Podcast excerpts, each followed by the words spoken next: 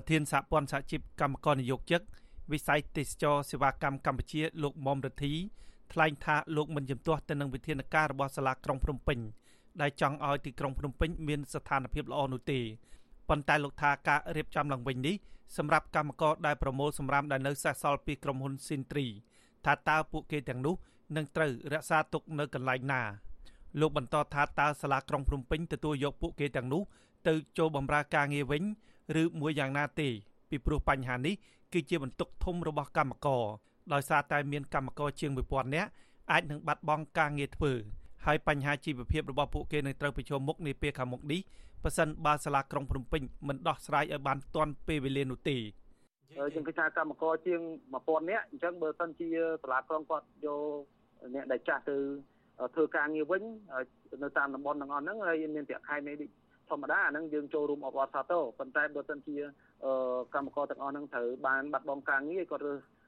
គាត់បង្កើតអីថ្មីអាហ្នឹងខ្ញុំគិតថាវាជាផលប៉ះពាល់មួយដែរប៉ុន្តែយើងអត់ជំទាស់ទេនឹងការរៀបចំឲ្យដើម្បីឲ្យមានទីក្រុងយើងស្អាតសាលាក្រុងភ្នំពេញកាលពីថ្ងៃទី30មិថុនាបានសម្រេចឲ្យក្រុមហ៊ុនចំនួន3ដើម្បីប្រតិបត្តិការប្រមូលសម្រាមសំណល់រឹងនៅតំបន់ចំនួន3នៃខណ្ឌទាំង14នៅក្នុងទីក្រុងភ្នំពេញ ដែលពីមុនមានក្រុមហ៊ុន Sintri តែមួយក្រុមហ៊ុនទាំងនោះមានឈ្មោះថា Mitsuda Sanitation ទទួលសិទ្ធិសម្អាតប្រមូលនិងដឹកជញ្ជូនសម្រាមនៅក្នុងខណ្ឌចំនួន5រួមមានខណ្ឌដូនពេញខណ្ឌ7មករា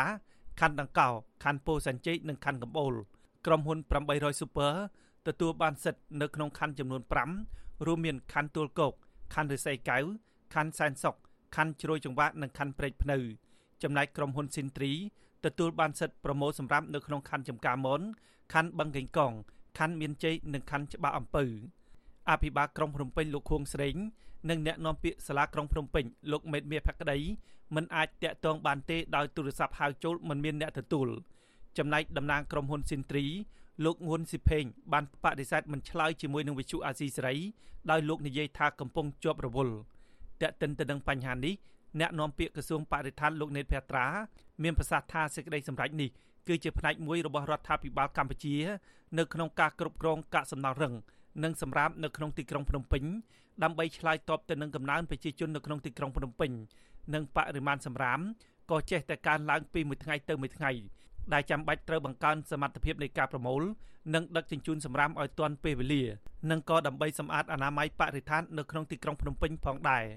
ភ្នំពេញដែលបច្ចុប្បន្ននេះមានសម្រាមដែលបានបង្កើតឡើងជារៀងរាល់ថ្ងៃគឺចន្លោះពី2700ទៅ3000តោននៅក្នុងមួយថ្ងៃហើយនៅក្នុងនោះសំណល់សរីរាង្គមានចំនួន68%សំណល់ផ្លាស្ទិកមានប្រមាណជាង20%និងសំណល់រឹងមានប្រមាណជាង10%ហើយយន្តការនេះត្រូវបានអនុវត្តឡើងដោយស្របទៅនឹងគោលនយោបាយរបស់រាជរដ្ឋាភិបាលកម្ពុជា ស្ដីពីការគ្រប់គ្រងសំណល់រឹងតាមទីប្រជុំជន។ ចំណែកអ្នកសម្របសម្រួលគម្រោងបរិស្ថានរបស់បណ្ដាញយុវជនកម្ពុជាលោកម៉ៅច័ន្ទរាបញ្ជាក់ថាជាច្រើនឆ្នាំមកហើយដែលសាលាក្រុងភ្នំពេញបានផ្ដល់ឲ្យក្រុមហ៊ុនស៊ីនទ្រីតែមួយនៅក្នុងការប្រមូលសម្រាមមិនទាន់ពេលវេលានោះទេដែលធ្វើឲ្យក្លិនស្អុយនៅក្នុងទីក្រុងភ្នំពេញលោកសង្ឃឹមថានៅពេលដែលសាលាក្រុងភ្នំពេញឲ្យមានឱកាសប្រកួតប្រជែងពីក្រុមហ៊ុនច្រើននោះសុខភាពនៅក្នុងទីក្រុងភ្នំពេញនឹងមានភាពល្អប្រសើរជាងមុន មានន័យថាបើសិនបើយើងមានក្រុមហ៊ុនប្រកួតប្រជែងច្រើនយើងមានជំរើសច្រើនសម្រាប់ជ្រើសរើសហើយវាជាការជ្រើសរើសដ៏សំខាន់មួយរបស់សាលាក្រុងដែលគាត់អីតម្រូវការរបស់គាត់ក្នុងការជ្រើសរើសយកក្រុមហ៊ុនណាមួយសម្រាប់សម្រាប់សម្រាប់ឲ្យមានឲ្យការប្រមូលសម្រាមកាលពីចុងឆ្នាំ2019លោកនាយករដ្ឋមន្ត្រីហ៊ុនសែនធ្លាប់បានរិះគន់ម្ដងហើយទៅលើក្រុមហ៊ុនប្រមូលសម្រាមស៊ីនទ្រីនេះថាជាក្រុមហ៊ុនគ្មានសមត្ថភាពប្រមូលនិងគ្រប់គ្រងសម្រាមហើយរដ្ឋាភិបាលនឹងដកហូតយកក្រុមហ៊ុននេះមកគ្រប់គ្រង រួមទាំងបុគ្គលិកហើយនឹងទូទាត់ប្រាក់សំណងដល់ក្រុមហ៊ុន នៅអ្វីដែលក្រុមហ៊ុនបានចំណាយលុយទិញដូចជាឡានដឹកសម្រាមជាដើមគឺមិនឲ្យក្រុមហ៊ុនខាតបង់ទេនិងបើកឱកាសដល់ក្រុមហ៊ុនផ្សេងទៀតដែលមានលទ្ធភាពនិងមានសមត្ថភាពយ៉ាងហោចណាស់4ដើម្បីចូលរួមដេញថ្លៃវិនិយោគលើការងារប្រមូលនិងគ្រប់គ្រងសម្រាមនៅក្នុងរាជធានីភ្នំពេញឲ្យបានល្អប្រសើរខ្ញុំបាទហេងរស្មី អាស៊ីសេរីពីរដ្ឋធានី Washington